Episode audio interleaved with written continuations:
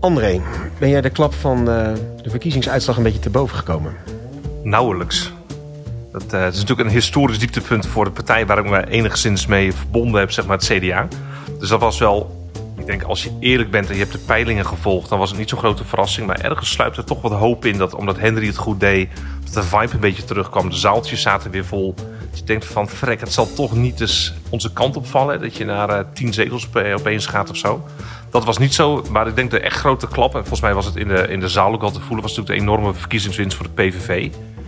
Uh, en die klap ben ik nog niet echt te boven. Ook, ik merk het aan mezelf dat er komen nu allemaal analyses, maar ik ben er nog niet, nog niet echt aan die analyses toe. Dus ik vind ze vaak nog oppervlakkig en ergens op slaan.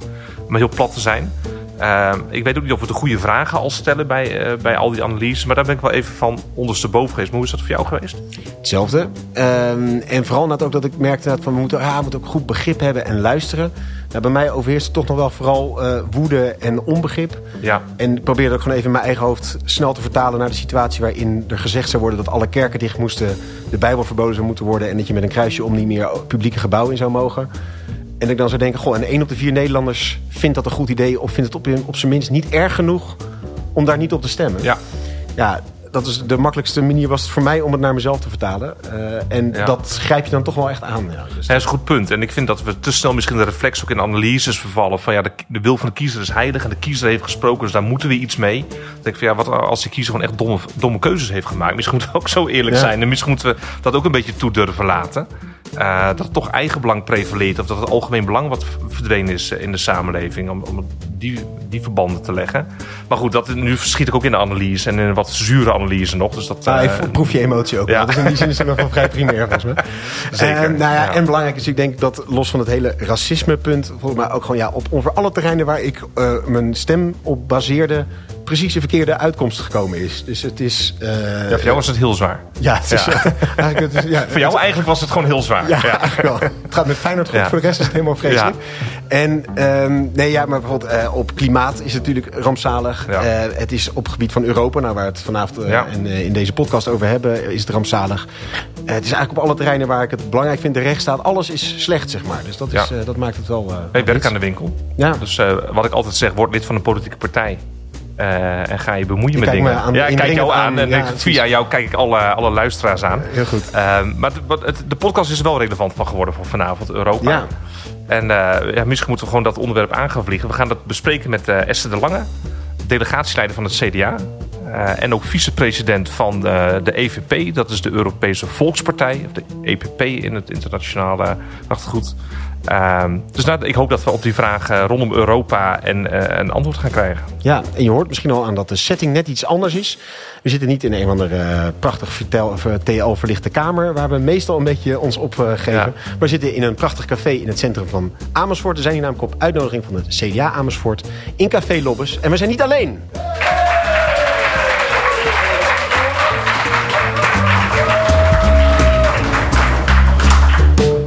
Drie mensen die hier zitten, die laten van zich horen.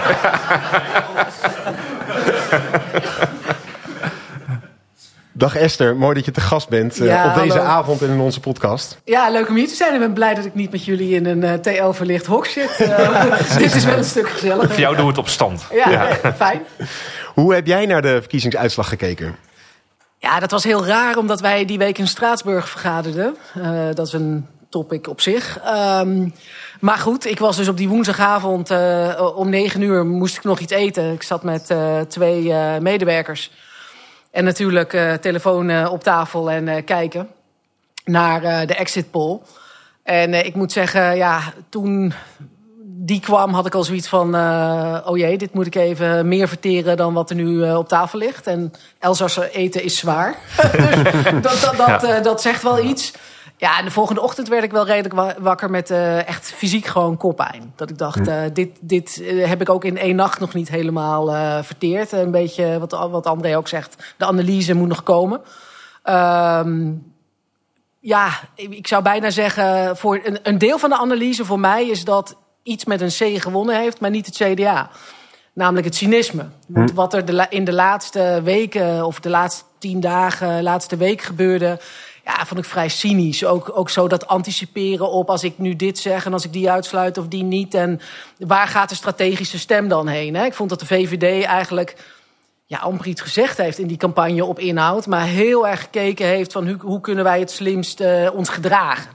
Um, en dat vond ik heel cynisch. En ik denk dat, dat uh, de VVD heel erg met vuur gespeeld heeft en de vingers verbrand. Uh, en, en ja, wij, wij zitten nu als land, denk ik, met de blaren. Maar ik wil wel even iets optimistischer zijn dan Heel prettig. Uh, Daarom nodigen we ook gast uit. Want anders uh, is een soort persoonlijke therapie nou altijd. Ja, in, in, in de zin van, uh, ik moet nog maar kijken wat eruit komt. we gaan het strakjes ongetwijfeld over de inhoud hebben.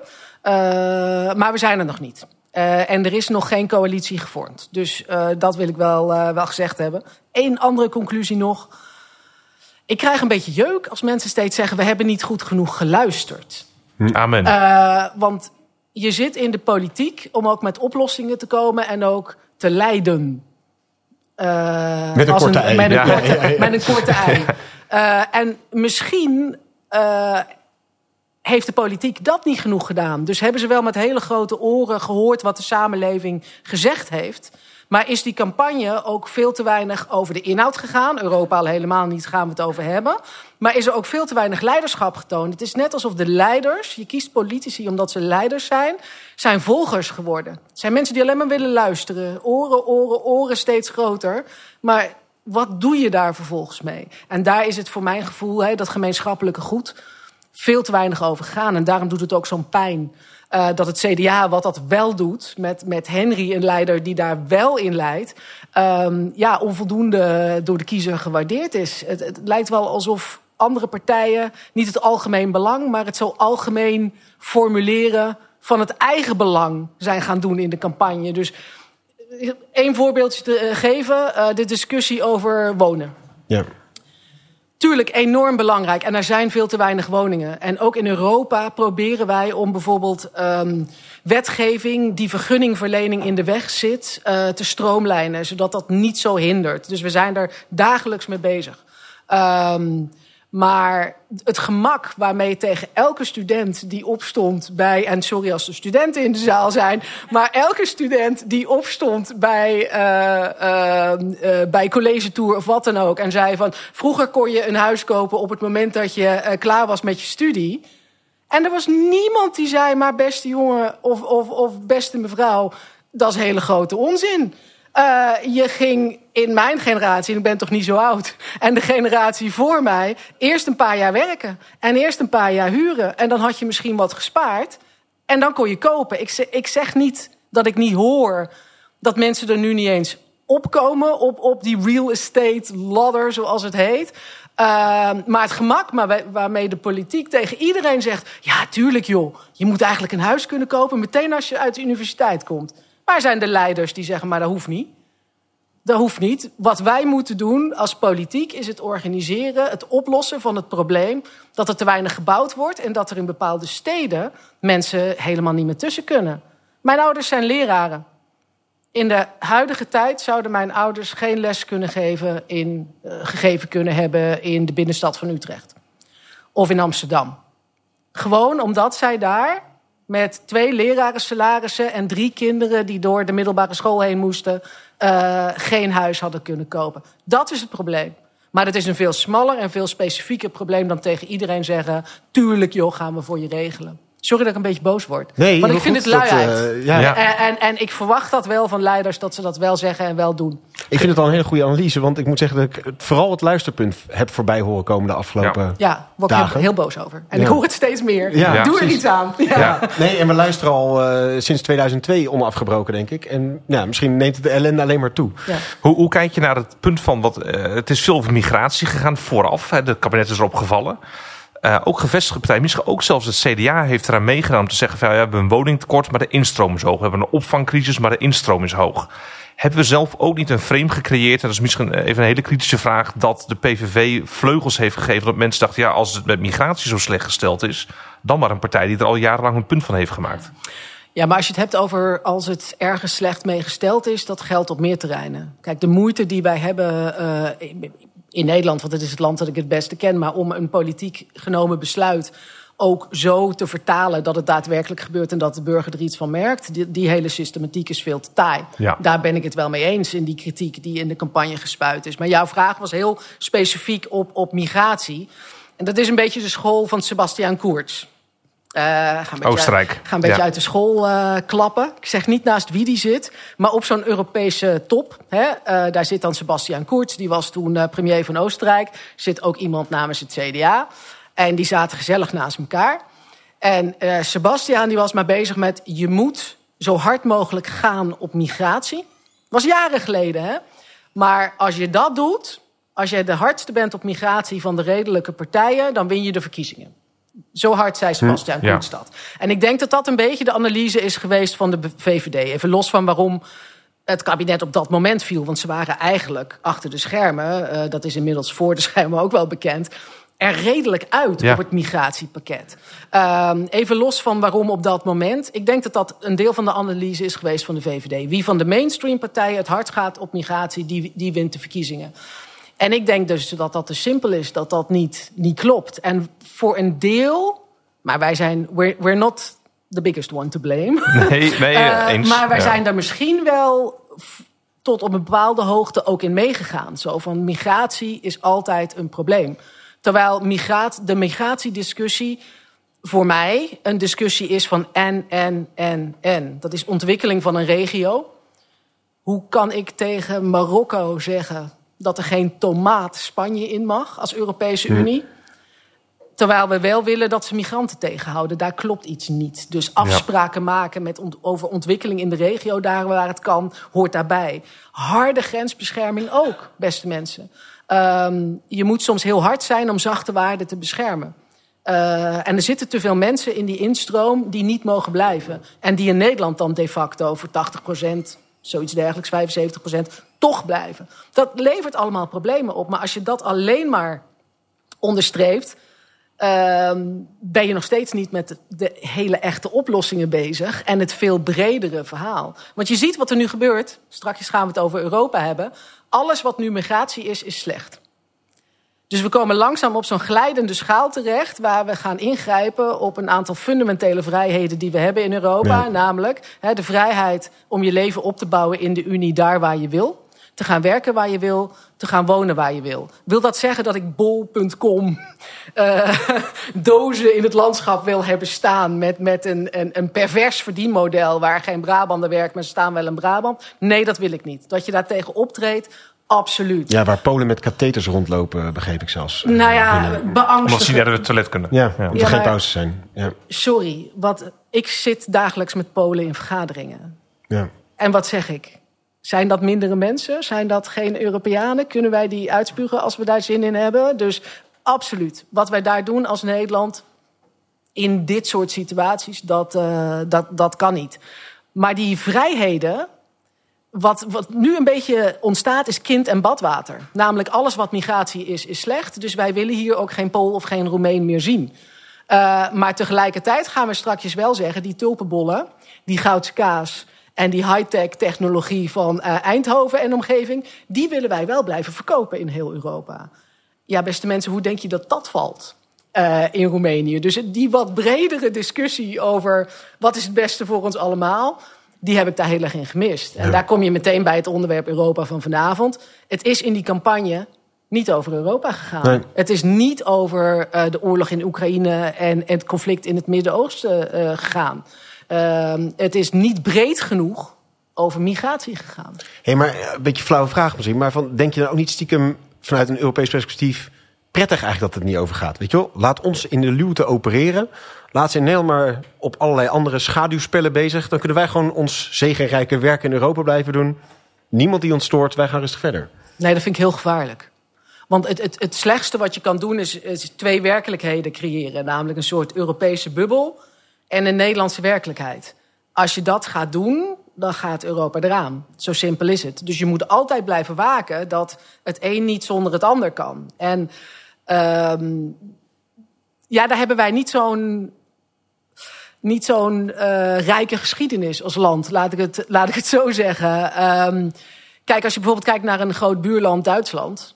Duitsland heeft altijd een heel natuurlijk Europa-verhaal gehad sinds de Tweede Wereldoorlog. Omdat het twee kanten waren van dezelfde medaille. Je had nooit meer oorlog. En Duitsland wil graag een normaal land worden.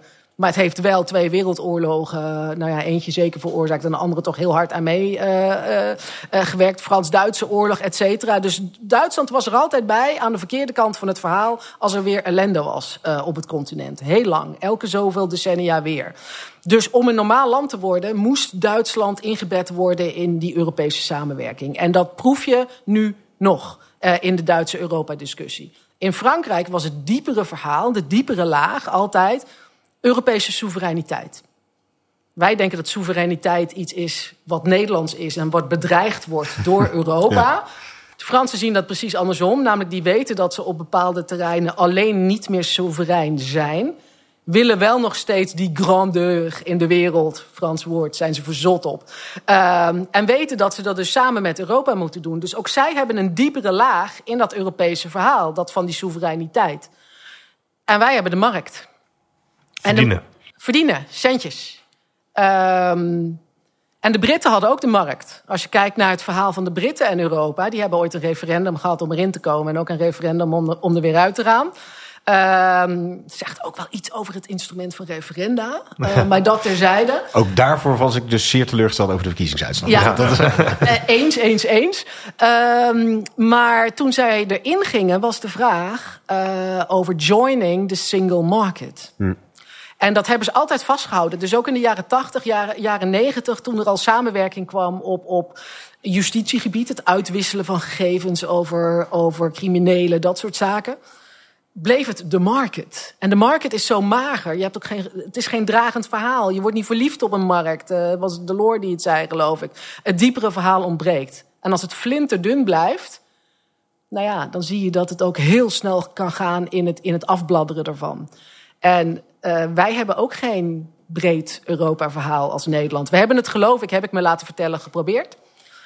In de jaren 50, hè, diepe discussies in de Tweede Kamer over moeten wij meedoen aan die gemeenschappen die nu ontstaan of niet. Luister vooral onze podcast met Mathieu Segers hierover. Ja, uh, Mathieu uh, die, die, die is daar heel diep ingedoken. Uh, en die discussie, nee, één stapje terug. In ons Calvinistische Nederland werd toen de Europese samenwerking natuurlijk met België en Frankrijk en Italië en Duitsland. Veel katholieke landen werd een beetje gezien als een soort katholieke samenzwering.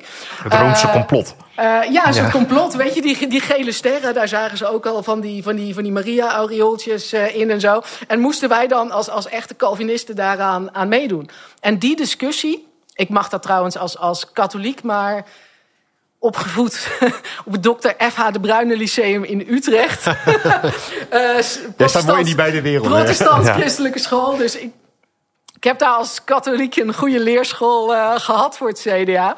Uh, maar dat was de discussie uh, toen. Moeten wij daaraan meedoen? En het ja en het nee ging dwars door de grote volkspartijen. Door de voorlopers van het CDA, door de PvdA. ja, en toen zijn we gestopt met die fundamentele discussie. En toen zijn we het ook maar over de markt gaan hebben. Ja. En het interessante is wat Al het vroeg net van, van ga, doe je niet liever in de luwte je werk? Je zei van dat is de dood voor de Europese Unie. Terwijl het toch, de verkiezingsuitslag gaat een beetje die kant op. Europa als boeman. En je ziet van wat volgens mij wat nu in Europa hip en happening is, waar, jullie mee bezig zijn, dat zal over twee jaar in Nederland aankomen in de vorm van wetgeving. Maar we stellen dat vaak uit op het moment dat het ingevoerd moet worden. Dan zeggen we ja, Europa dwingt ons hiertoe. Uh, en je ziet ook dat die partijen die dat, die, die eurocepsis aanwakkeren nu winnen. Met opt-outs, met veto's uh, als instrumenten. En welke partij denkt dan aan de andere? Uh, PVV, maar ook de NSC zelfs van Omzicht. Die toch wel, ehm, wel heel veel touwtjes in handen wil houden als het om de Europese Unie gaat. Wat volgens mij de Europese samenwerking niet bevordert. Ik weet niet hoe jij daar naar kijkt. Um, er zaten heel veel elementen in ja, ik ben van de gevulde vraag. Inderdaad, waar, waar, waar ik op aan. Nou, kijk, ik, ik durf. Het, het is in die campagne amper over Europa gegaan. Uh, en ja, het is waar dat het heel erg makkelijk is om een ver iets, een ver land of een ver onderwerp of iets dat net iets verder van je bed ligt, om dat de zondebok te maken. Ik denk dat dat voor een deel ook het, de uitslag, voor een deel zeg ik heel bewust, niet volledig, maar voor een deel ook um, de uitslag van het Oekraïne-referendum in Nederland verklaart. Heel mensen wisten helemaal niet wat er precies, waar, waar dat precies lag en hoe en wat. Maar het is heel makkelijk om te zeggen, daar ligt een heel ver land. Dat gaat ons ellende opleveren. Grote boeman van buiten. Dus het is een dankbaar onderwerp voor populistische politici, uh, dat is waar. Um, maar ik durf de stelling eigenlijk wel aan dat als het wel over Europa was gegaan... en daar echt een inhoudelijk fundamenteel debat over was gevoerd dat de conclusie die jij nu trekt van al die stemmers die op die partijen hebben gestemd, hebben dat ook vanuit euro, uh, een eurosceptische houding gedaan. Ik denk dat dat niet in die mate het geval is. Want als het wel over de uh, inhoud gaat, als het wel over het feit gaat dat aan onze oostflank Rusland een land kan binnenvallen dat beroep doet op het recht om zijn eigen toekomst te kiezen en kiest voor democratie en rechtsstaat dat daar dus iemand zit in het Kremlin die denkt dat van de kaart te kunnen vegen, letterlijk. En dat er dus mensen in loopgraven zitten die opkomen voor de waarden die wij met de mond zeggen te beleiden. Zij verliezen arme benen of hun leven voor diezelfde waarde. Op het moment dat dat gebeurt en je ziet de andere bedreigingen die komen, of die nou uh, op het gebied van he, echt brandhaarden zijn aan onze grenzen, of de oneerlijke concurrentie vanuit China, spionage ook op onze producten. Wat is nou eerlijk in die wereldhandel en wat niet? Klimaat heb je zelf genoemd. Uh, hoe zorg je dat andere landen ook hun bijdrage leveren van buiten Europa? Er is maar één manier om al die onderwerpen op te pakken. En mensen weten dat wel. Dus het gekke is als je naar Eurobarometer-onderzoeken kijkt, hè, dit is letterlijk even de temperatuur van het water nemen over hoe hangt de vlag erbij als het om houding ten opzichte van Europa gaat, die zijn veel positiever. Hm. Uh, uh, door Brexit, want men ziet wat er gebeurt als je eruit stapt. Ja, blessing in disguise is voor de Ja, EU. heel ja. erg uh, ironic, maar het, het is wel zo. Ja. Um, uh, door Brexit, maar ook door wat er in Oekraïne gebeurt... en de grote thema's die op de agenda staan. Dus was het erover gegaan, denk ik dat je niet zo makkelijk die conclusie had getrokken. Hm. Ze zijn allemaal zo, zo, zo tegen. Dat gezegd hebbende staan wel zeer beangstigende dingen... in de verkiezingsprogramma's van PVV, maar ook van NSC... En dat is nog een beetje onder de radar gebleven, zelfs op de hoogste niveaus in bijvoorbeeld de Europese Commissie. Die, die ik vandaag aan de telefoon uh, had, noem geen namen, maar die dan zeiden: Oh ja, niet alleen Wilders dus. Nee, het zit net even iets ingewikkelder in elkaar. Ja. Als je kijkt naar de hele dynamiek in Europa, je zegt die barometer geeft misschien een ander beeld dringt zich ook wel een beetje dat beeld op dat de EU toch wel in zekere zin onder druk staat. Ik denk dan vooral natuurlijk primair aan Hongarije, waar je een antidemocratische kracht trekt aan Europa. Nou, Polen was daar ook altijd, het was altijd Polen en Hongarije. Die lijken een verandering in te zetten. Hoe kijk je in die zin naar Europa? Is het uh, sterker of is het zwakker dan een aantal jaren terug? Ja, is een hele moeilijke vraag, omdat je natuurlijk allerlei deelterreinen hebt. Hè? En uh, het, het, het paradoxale is dat deze commissie die in 2019 begon, die wist van uh, wij, wij moeten een geopolitieke commissie zijn. Ja. Wij moeten geopolitiek kunnen handelen. En Stef Blok schreef toen uh, in een van de grote internationale kranten: alsjeblieft, geen politieke commissie. De commissie moet alleen maar braaf uitvoeren wat de landen beslissen. Ik heb toen een repliek geschreven van het allerbelangrijkste wat wij nu nodig hebben is een veel meer geopolitieke commissie die ook een vuist durft te maken ten opzichte van China, ook al doet het soms pijn. Nou, dat is gebeurd, maar dat wat wij in 2019 dachten dat deze vijf jaar gingen zijn, ja. is natuurlijk totaal anders geworden. We kregen COVID uh, met de economische klap die daarop uh, volgde. Vervolgens uh, het binnenvallen van mainland Oekraïne door, door Rusland. Um, nu ben ik je vraag kwijt. Nou, de vraag van, staat Europa meer onder druk dan ja. bijvoorbeeld ja. 2019? Omdat zeker dus die antidemocratische krachten en het populisme allemaal steeds verder groeit. En ondanks dat misschien de politieke barometers het positiever framen, ja. het euroskepsis daarin wel sterk lijkt te zijn. Nou, de, er is, een, er is een, positieve, een positief deel van het antwoord en een negatief deel van het antwoord. Kijk naar Polen. Ik put ongelooflijk veel hoop uit wat er in hmm. Polen gebeurd is. En het was ongelooflijk spannend. Ik denk dat de verkiezingen in Polen die we laatst gezien hebben, dat waren de allerbelangrijkste sinds de val van de muur uh, in 89 in dat land. Uh, en de oppositie had alles tegen. In de zin van inderdaad alle trekjes van ja, een beetje eh, dictatoriale neigingjes. Hè? Het controleren van de staatsmedia, het afbreken van de rechtsstaat, namelijk het door de politiek laten benoemen van de rechters. Het was allemaal aan het gebeuren. Dus dat was vanuit de zittende partij. Was vanuit de zittende partij. Dus als uh, een poll de tv aanzette, was het allemaal pro-regeringspartij uh, media. En ondanks dat heeft Donald Tusk en zijn verenigde oppositie, zij hebben die verkiezingen gewonnen. En ze hebben die verkiezingen gewonnen door het wel over Europa te hm. hebben. Uh, door het wel over, erover te hebben hoe breekbaar de democratie is. Alles van waarde is ongelooflijk weerloos. Uh, en door wel te appelleren aan de harten van mensen en niet alleen naar die markt. Wat Donald Tusk deed op het laatst, een van de laatste weekenden voor de verkiezingen, was het organiseren van een mars van de miljoen harten. Mensen op straat voor de rechtsstaat, voor de democratie, met, met een sticker van een hartje op, op hun jas. En het werden er geen miljoen, het werden er anderhalf miljoen en het werden er nog meer, zeggen sommigen. Hm. En dus als het erover gaat en er komt enig gevoel bij kijken, daar put ik hoop uit. Het cynisme, dat zie ik bij Viktor Orban. Die jaren geleden al uh, met Geert Wilders gezellig, cozy uh, op de foto ging. Um, en jij zei veto's onder druk, Europa onder druk. Um, het laatste wat we moeten doen is toegeven aan dat cynisme van Orbán, die soms een onderwerp waar hij het inhoudelijk mee eens is, vetoot, omdat hij kan vetoen. En omdat hij precies dan hoopt op een ander thema, uh, waar hij duidelijk tegen de rechtsstaat bezig is, wel zijn, uh, zijn zin te krijgen.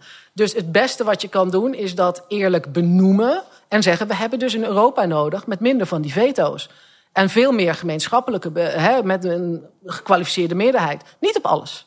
Ik ben daar heel helder in de uitbreiding, de Europese meerjarenbegroting en de eigen middelen. Dus hoe financier je die begroting? Hoe financier je het? Waar geef je het aan uit? En welke leden horen er bij de club?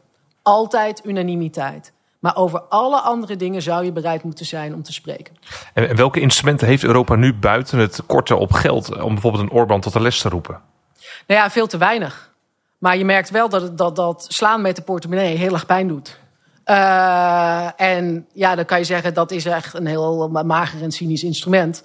Maar op het moment dat dat het enige is wat hem pijn lijkt te doen, moet je dat instrument inzetten. Ja, helder. Een thema waar, ik, waar we natuurlijk al een paar keer zijdelings aan raakten was klimaat. En ik moet zeggen dat als ik zie wat daar nu de backlash in lokale of dus uh, landelijke politiek is. Uh, en nu al heel erg wordt geklaagd over maatregelen ten aanzien van het klimaat. Dan hou ik al een beetje mijn hart vast voor wat er allemaal nog nodig is om te gaan doen en wat er allemaal nog aan moet komen om daadwerkelijk iets fundamenteels te doen. Um, hoe kijk je naar klimaat in Europa en wat dat inderdaad in lokale landen gaat doen? Want er moet natuurlijk ook daar gaat denk ik ook die, die angst voor dictaten vanuit Brussel heel sterk worden. Of ja. de antipathie ertegen. En, en, en dat is al zo. En hier ben ik misschien ook voor een deel wel kritisch op de Europese Commissie. Omdat er veel te veel op elkaar gestapeld is. Dus uh, er zijn heel fundamentele besluiten genomen uh, de afgelopen jaren. Uh, die nodig waren om CO2-uitstoot terug te dringen. Dus denk aan het, het, het, strakker maken en ook groter maken van het Europese emissiehandelssysteem in CO2-rechten. Ik ga niet de techniek in, maar dat is de manier om, om, om minder CO2 uit te stoten door Europese industrie. Uh, dat was heel erg belangrijk. Maar daarnaast, kijk, Europa, het een van de weinige instrumenten die de EU heeft, is regels maken. Met doelstellingen erin. En subdoelen, en tussendoelen, en details. Uh, daar waar Amerika enorme potten geld heeft om de eigen industrie te stimuleren. Hm. Uh, de Inflation Reduction Act. Uh, waar Amerika ook burgers kan verleiden via het belastingstelsel om in Amerika gebouwde elektrische auto's te kopen. Dat klinkt allemaal net iets nicer. Hè? Je krijgt een paar, uh, paar duizend dollar van de overheid. Klinkt net iets leuker dan, jongens, we gaan verkeer ook onder het Europese emissiehandelssysteem brengen. Ja. Dus je gaat ook nog eens betalen aan de pomp. Ehm, dus voor mij raakt het heel erg aan die fundamentele discussie van wat moet Europa zijn en wat moet Europa doen. En dan heb je twee soorten mensen. Je hebt de soorten mensen die zeggen van dat kan niet. Of dat mag niet. Wij zijn nou eenmaal een wettenmachine, dus Europa zal het via wetten moeten doen. Ik behoor niet tot die club. Ik heb gezien in de tijd van de uh, energiecrisis, toen bepaalde energiebedrijven enorme uh, meevallers hadden uh, qua winsten omdat hun product gekoppeld was aan de gasprijs. Dus ze hadden niks briljants gedaan. Ze waren gewoon gekoppeld aan de gasprijs. En het geld bleef binnenstromen.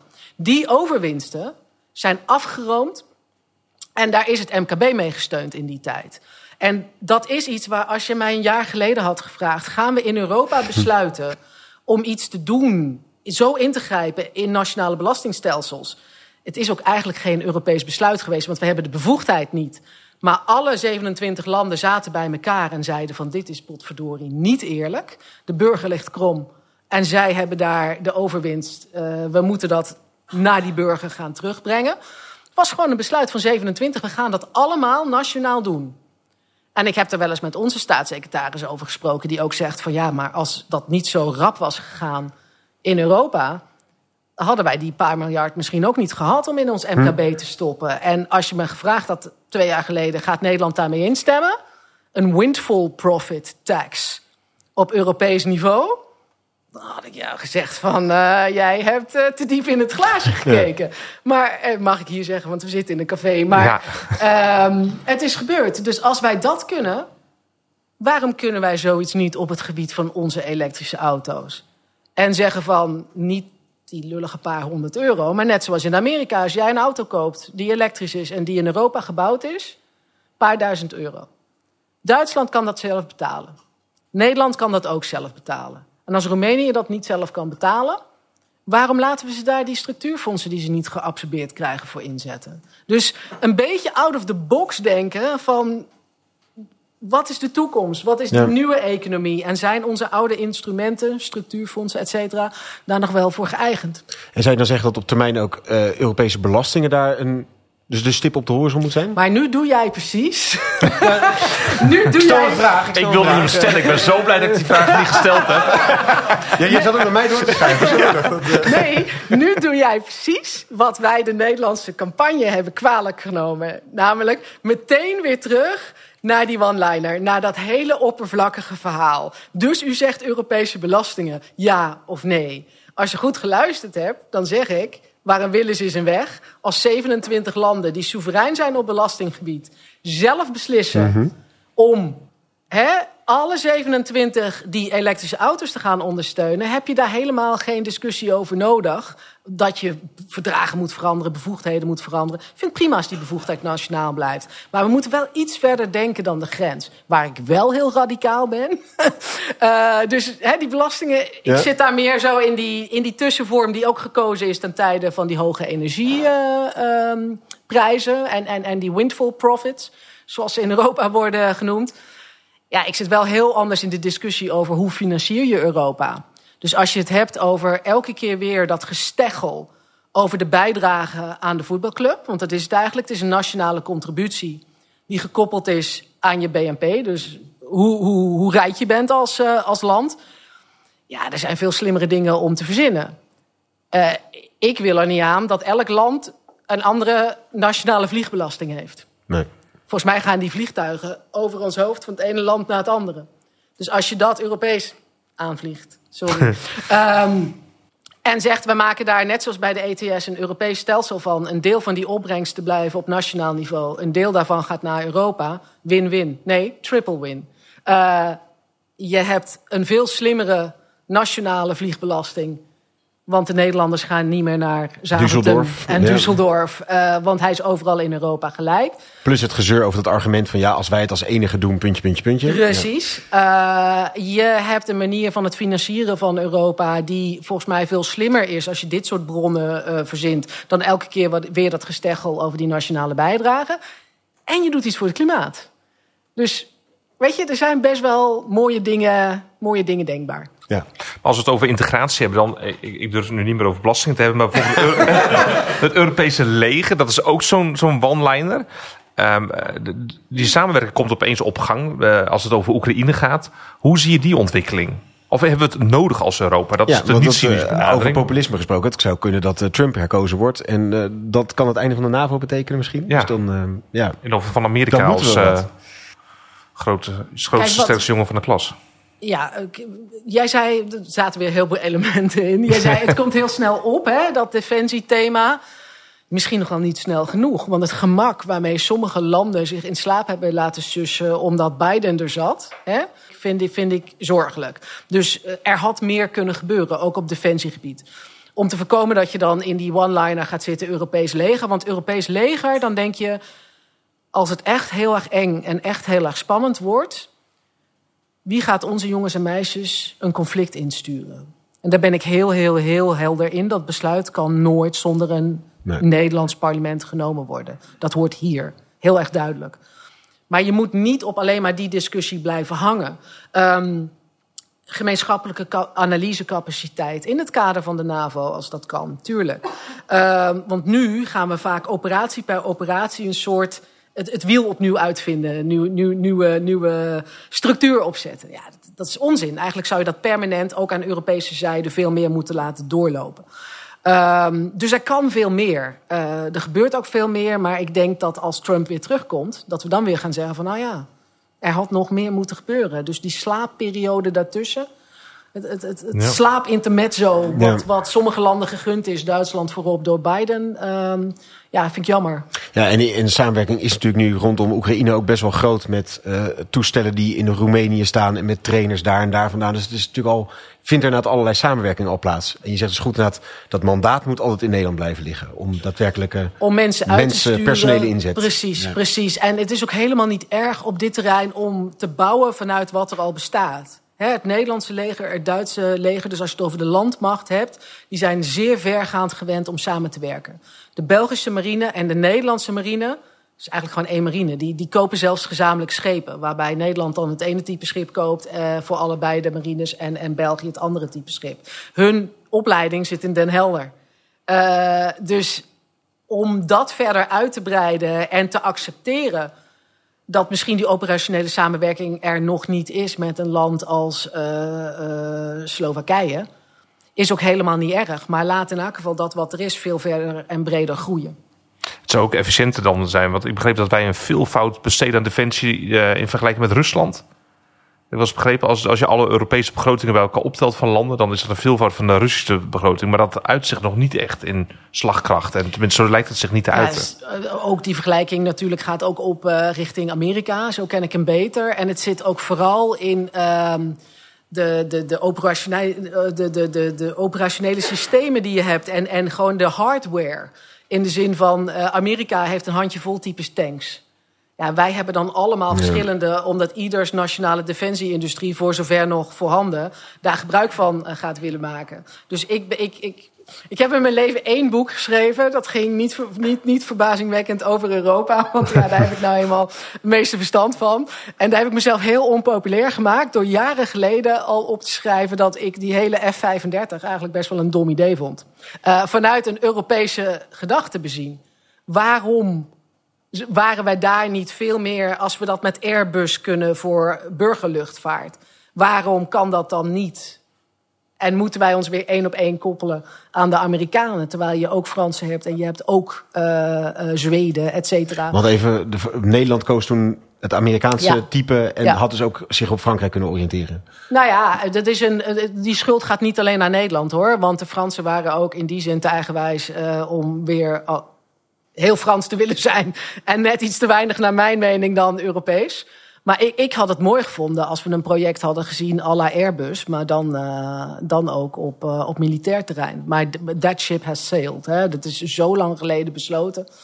Um, en, en, en so be it. Maar ik vind dat we over dit soort dingen... En dat, dat heeft deze commissie gedaan. En dat, dat gaat nog veel meer nodig moeten zijn ik wil een Europa dat nadenkt over wat gaan we samen doen, hoe gaan we dit samen doen. Uh, en zichzelf niet uitlevert. Ook niet aan Amerika, alhoewel dat onze vrienden ja. zijn. En veel meer een vuist durft te maken, ook richting, uh, richting China. En dan, moet je de, dan komen er hele lastige besluiten op ons af. Heel klein voorbeeldje. We hebben nu voor het eerst een wet die zegt: investeringen van buiten Europa in Europa die mag je gaan screenen. Die mag je gaan analyseren of dat wel in, in jouw belang is. Bijvoorbeeld in kritieke infrastructuur, in bepaalde um, grondstoffen waar je er maar heel weinig van hebt, uh, energieinfrastructuur. Um, maar die wet zegt niet wat er gebeurt als uh, het land zelf concludeert dat er niks aan de hand is. En de rest van Europa zegt: ja, maar dit is niet in ons belang. Denk aan het voorbeeld van de haven van Hamburg en de Chinezen. Uh, waarvan uh, Scholz uh, zei in Duitsland helemaal niks aan het handje, jongens. En de rest van Europa dacht: is dat nu zo verstandig? Ja, dan heb je dus eigenlijk een wet nodig. Waarbij de rest van Europa een veel zwaardere stem heeft in dat soort, dat soort fundamentele besluiten. Nou, is vrij heftig wat ik nu zeg, want dat dendert in tegen alles wat we tot nu toe in Europa gedaan hebben. Namelijk voorzichtig, voorzichtig op zijn egeltjes en alle landen moeten ermee uh, akkoord gaan. Nou, dan lacht China zich helemaal kapot. Ja. ja. Het is natuurlijk ook een bijzonder geval in die zin. Van je hebt natuurlijk gemeenschappelijke vijanden, om het zo te zeggen. Of tenminste waar, je, waar het goed voor is om één front te vormen. Je hoeft natuurlijk niet bij elke afweging misschien zo'n zwaar Europees. Uh, nee, nee je moet heel helder hebben waar dat dan in ja. zit. En ik denk dat de voorbeelden die ik genoemd heb, dus de, de, uh, de energieinfrastructuur, een groot deel van de netwerken in Portugal zijn in handen van China. Waarom? Waarom is dat nodig? Uh, de haveninfrastructuur, kritieke grondstoffen. Die grondstoffen die gevonden zijn in het noorden van Zweden die nodig zijn voor uh, batterijen voor elektrische auto's. Wij hebben zo weinig zelf van dit soort grondstoffen. Als je die vindt in die mijn in Kiruna, gaan wij dan de Amerikanen daar laten investeren? De Canadezen? De Chinezen? Of zeggen wij voor een deel moet dit gewoon. Maak me daar niet zo heel veel zorgen, want volgens mij is het deels een staatsbedrijf daar. Zelfs in het moderne uh, Zweden. Dat is goed bekeken. Uh, maar thank God, hè? Ja. Uh, want alsjeblieft, dit soort dingen hou ik graag in, in, in, in eigen handen. En dat zijn denk ik zo de belangrijkste voorbeelden... waar we gewoon heel helder moeten hebben. schouders eronder, beste mensen. En meer in Europa. Je bent sinds 2007 in het Europees Parlement. je hebt je besloten om je niet opnieuw verkiesbaar ja. te stellen. Uh, tot slot zouden we daarom graag toch een soort terugblik, vooruitblik willen doen. Uh, 16 jaar. Beetje weemoed. Uh, André houdt van rijk gevulde vragen. Ga ik even een grote vraag stellen. Als je terugblikt op die 16 jaar, wat, wat zijn de belangrijkste veranderingen die je tussen 2007 en 2023 hebt gezien? Ik snap natuurlijk, de wereld is veranderd, maar als je echt in het Europese bedrijf zeg maar, zo kijkt, of het Europese wezen. Nou, ik begin in Nederland, omdat ik dat eigenlijk, ik zei het al, hè, het ja. belangrijkste is dat je niet opgaat in die, uh, in die bubbel. Ik heb twee campagnes gevoerd als lijsttrekker. Eentje in 2014, toen Nederland nog heel erg bezig was met... Uh, ja, Europa moet ook, uh, alles moet anders. En heel erg naar binnen gekeerd. En, en veel kritiek op de procedures. En elke keer weer discussies over subsidiariteit. Moeizaam. Uh, en in 2019 was de moed, ook door wat er in de wereld gebeurde, um, toen al, alhoewel de Krim wel geweest ja. was, maar uh, wat er nu in Oekraïne speelt toch niet, veel meer van uh, zonder een sterk Europa kunnen we op een heleboel terreinen geen deuk meer in een pakje boter slaan wereldwijd. En op die terreinen moeten we veel sterker uh, schouder aan schouder staan. En dat ook organiseren in Europa. Dat was een veel, veel positievere moed. Nederland heeft ook een beweging gemaakt met de Britten, toen de Britten er nog bij waren, was Nederland vaak samen met de Britten de organisator van het nee.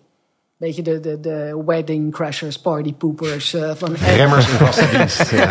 Any European event. Toen de Britten er niet meer waren, hebben we dat nog een tijdje geprobeerd met, met, met de Zeven Dwergen en allerlei rare coalities. Uh, maar uiteindelijk heeft men ook in Den Haag begrepen, op een aantal grote belangrijke ministeries, dat het veel belangrijker is om constructief uh, met wat wil je dan wel je bondgenoten te zoeken. Ere wie ere toekomt. Niet van onze partij. Maar Sigrid Kaag heeft dat bijvoorbeeld op um, de discussie nu uh, over de eurozone heel erg goed gedaan. Door al samen met Spanje een position paper neer te leggen, nog voordat de Europese Commissie een voorstel had. Nou, op het moment dat het Calvinistische Spanje, uh, Nederland en het katholieke Spanje met elkaar een positie hebben over de houdbaarheid van de overheidsfinanciën en de gezondheid uh, van de eurozone, nou, dan heb je een lekkere starter. Ja. Uh, en die beweging zag ik en daar was ik heel blij mee. Ik merk het ook bij het middenveld. Dat ze veel meer bezig zijn met een actieve... wat kunnen we wel, wat willen we wel agenda in Brussel. Ik zou het heel jammer vinden als deze verkiezingsuitslag zou betekenen... dat we weer teruggaan naar die oude situatie. Ja. En wat ik daar ook aan kan doen, aan kan bijdragen om dat ja. te voorkomen, zal ik heel graag doen. Dus dat, ik hoop dat die draai geen volledige pirouette gaat worden, anders sta ik weer een beetje terug bij af. Ja. Mooie wens voor dan ook denk ik de komende 16 jaar.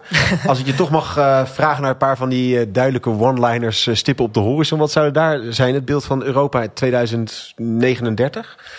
Want ik hoop, zou hopen dat we daar dat of dat realiseren of echt die kant op gaan. Ik hoop dat Europa in staat is om zichzelf generatie per generatie weer gewoon opnieuw te bewijzen. En um, ik, ik, ik, ik heb ooit geschreven in en ik wilde dat helemaal niet doen.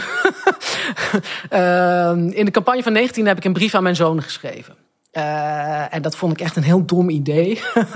van, van zo'n communicatie-medewerker.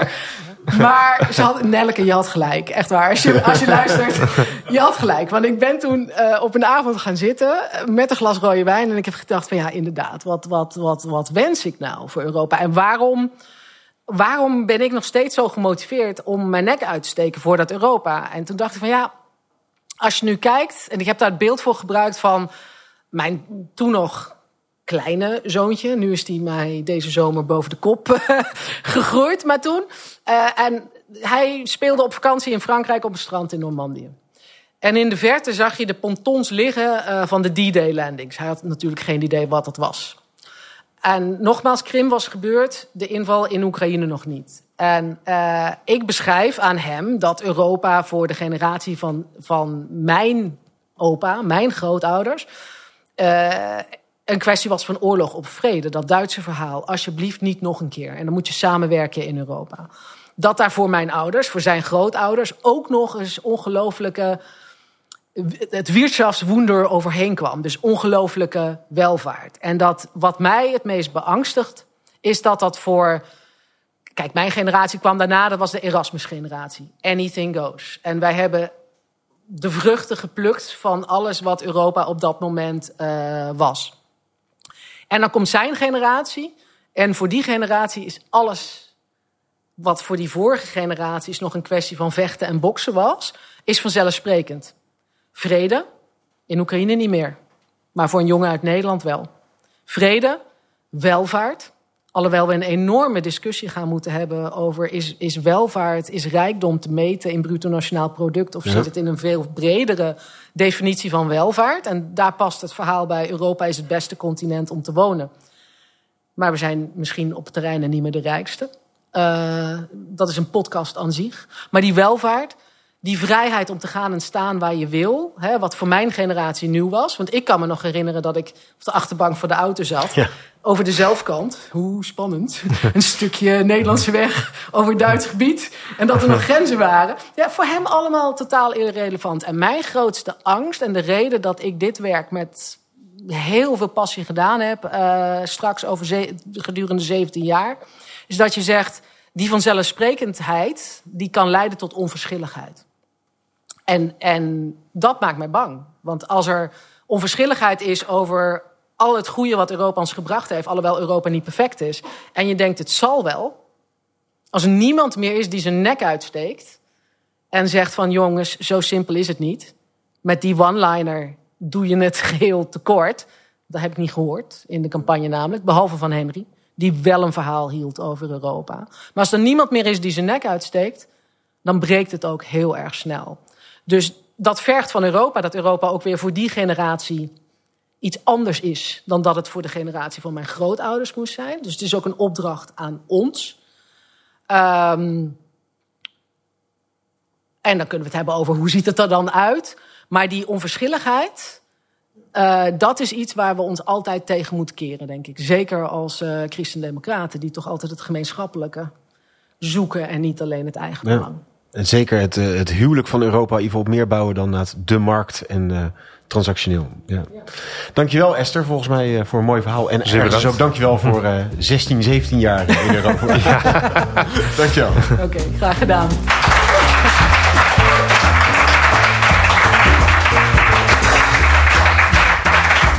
Begin 2024 beginnen we aan een nieuw seizoen van Bram. Iets anders van opzet. André en ik gaan dan eh, op een zoektocht. Op zoek naar de relevantie en toekomst van de christendemocratie. Abonneer je dus vooral om op de hoogte te blijven. En ja, vergeet natuurlijk ook niet onze voorgaande afleveringen. Eigenlijk stuk voor stuk fantastische afleveringen.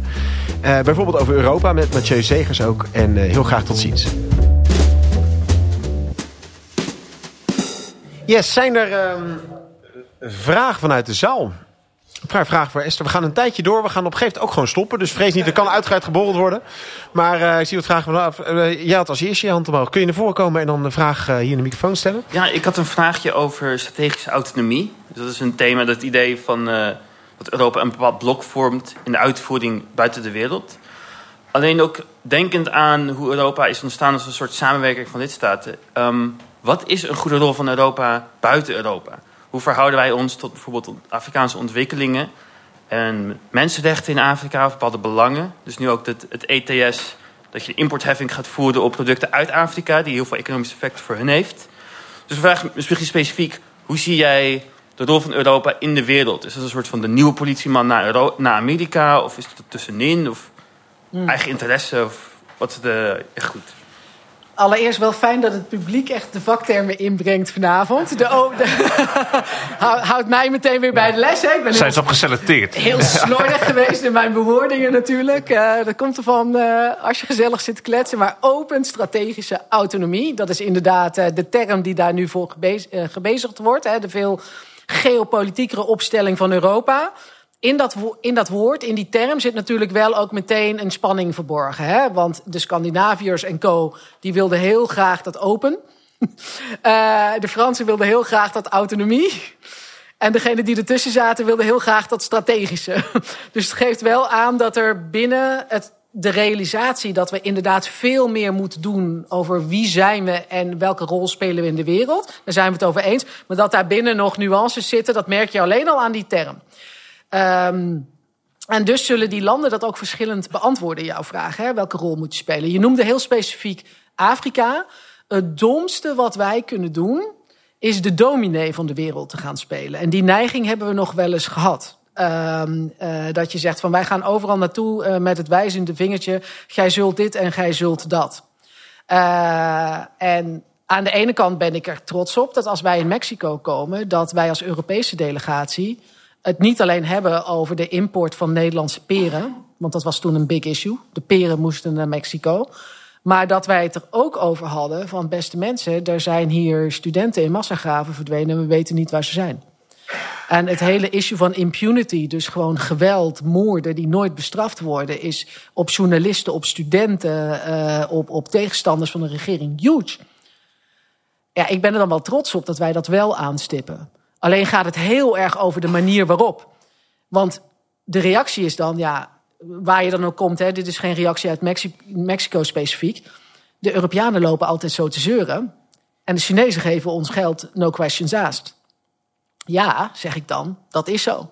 Maar als jij niet kan terugbetalen, dan wordt die haven die jij met Chinees geld gebouwd hebt, die wordt Chinees, 100 jaar lang. En dan heb je niks meer over te zeggen.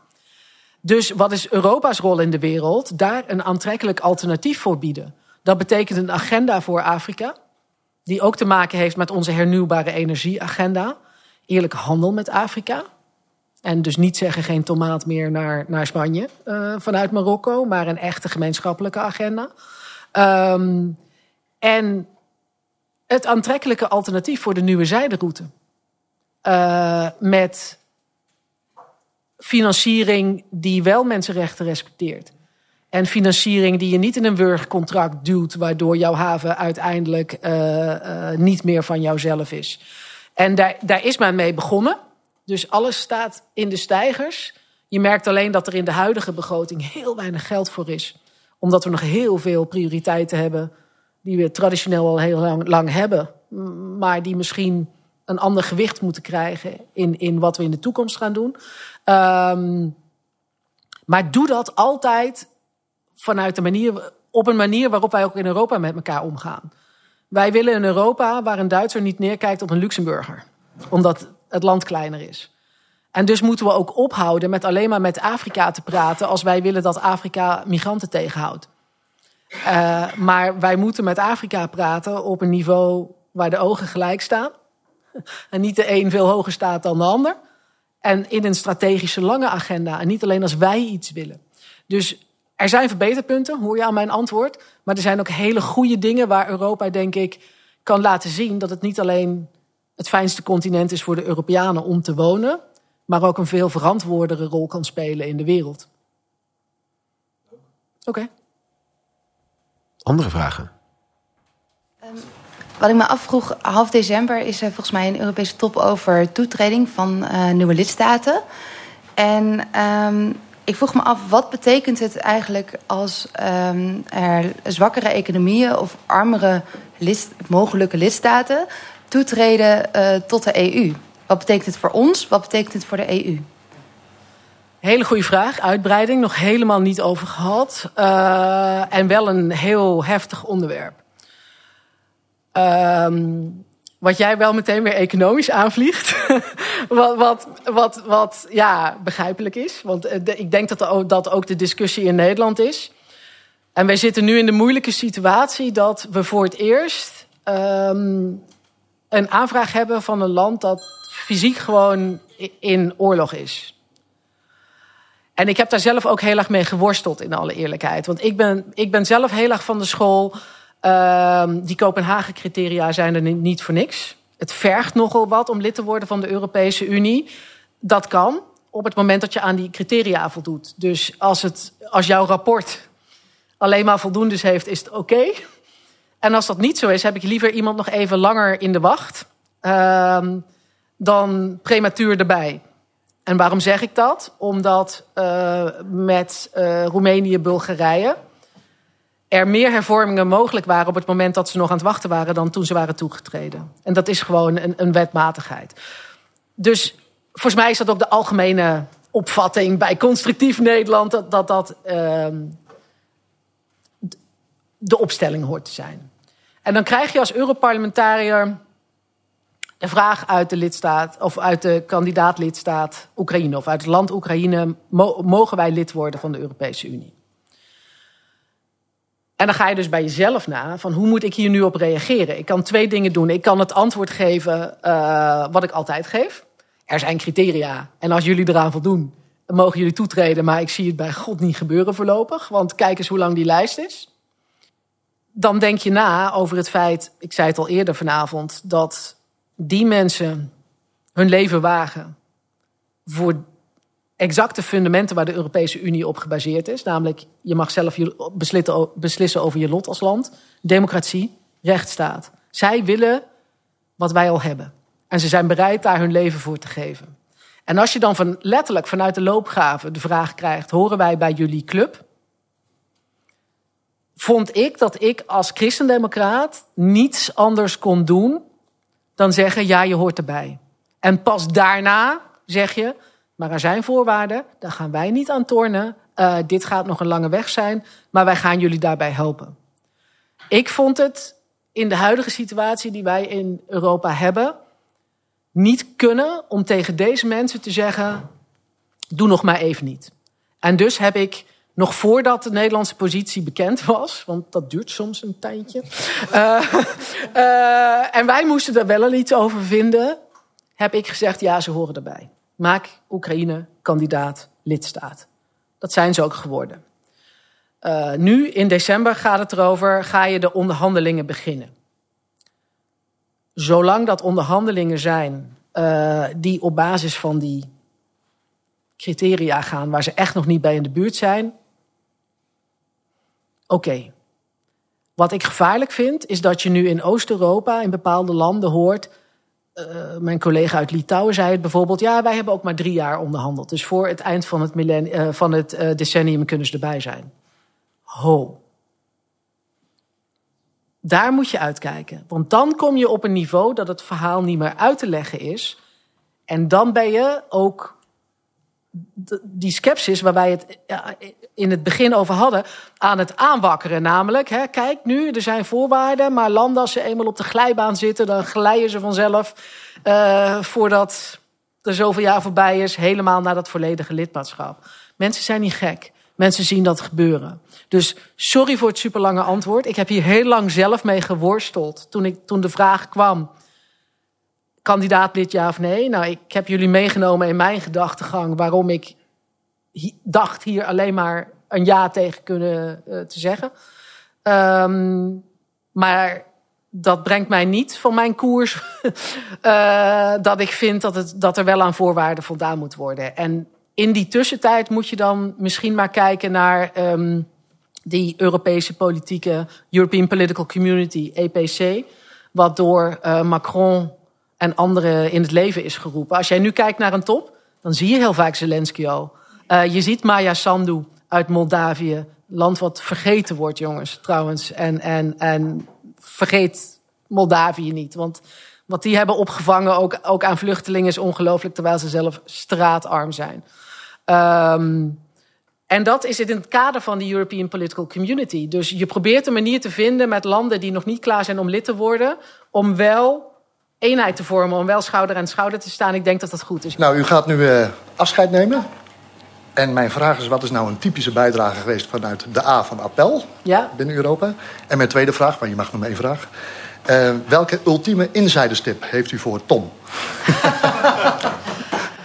um, het appel, ik denk dat ik het daar al over uh, gehad heb. Um, uh, het appel zit voor mij in het, in het uh, beroep. Ook om aan de volgende generatie. Om dat wat de generaties voor ons hebben opgebouwd. In Europa, wat ongelooflijk mooi is, maar wat ook ongelooflijk kwetsbaar is. Hè? Deel van de jonge generatie is verleid door. Kijk eens hoe lekker snel het gaat in China. Zo'n dictator is zo slecht nog niet. Hè, dat zijn voor die dingen die je op TikTok voorbij hoort komen. Um, wat wij hebben is heel mooi, maar heel kwetsbaar. Dus mijn appel is aan die volgende generatie... dat, dat ook zij inzien wat daar de waarde van is... en dat ze daaraan willen blijven werken. Terecht dat ze dan eisen dat Europa ook verandert. Hè? Helemaal mee eens.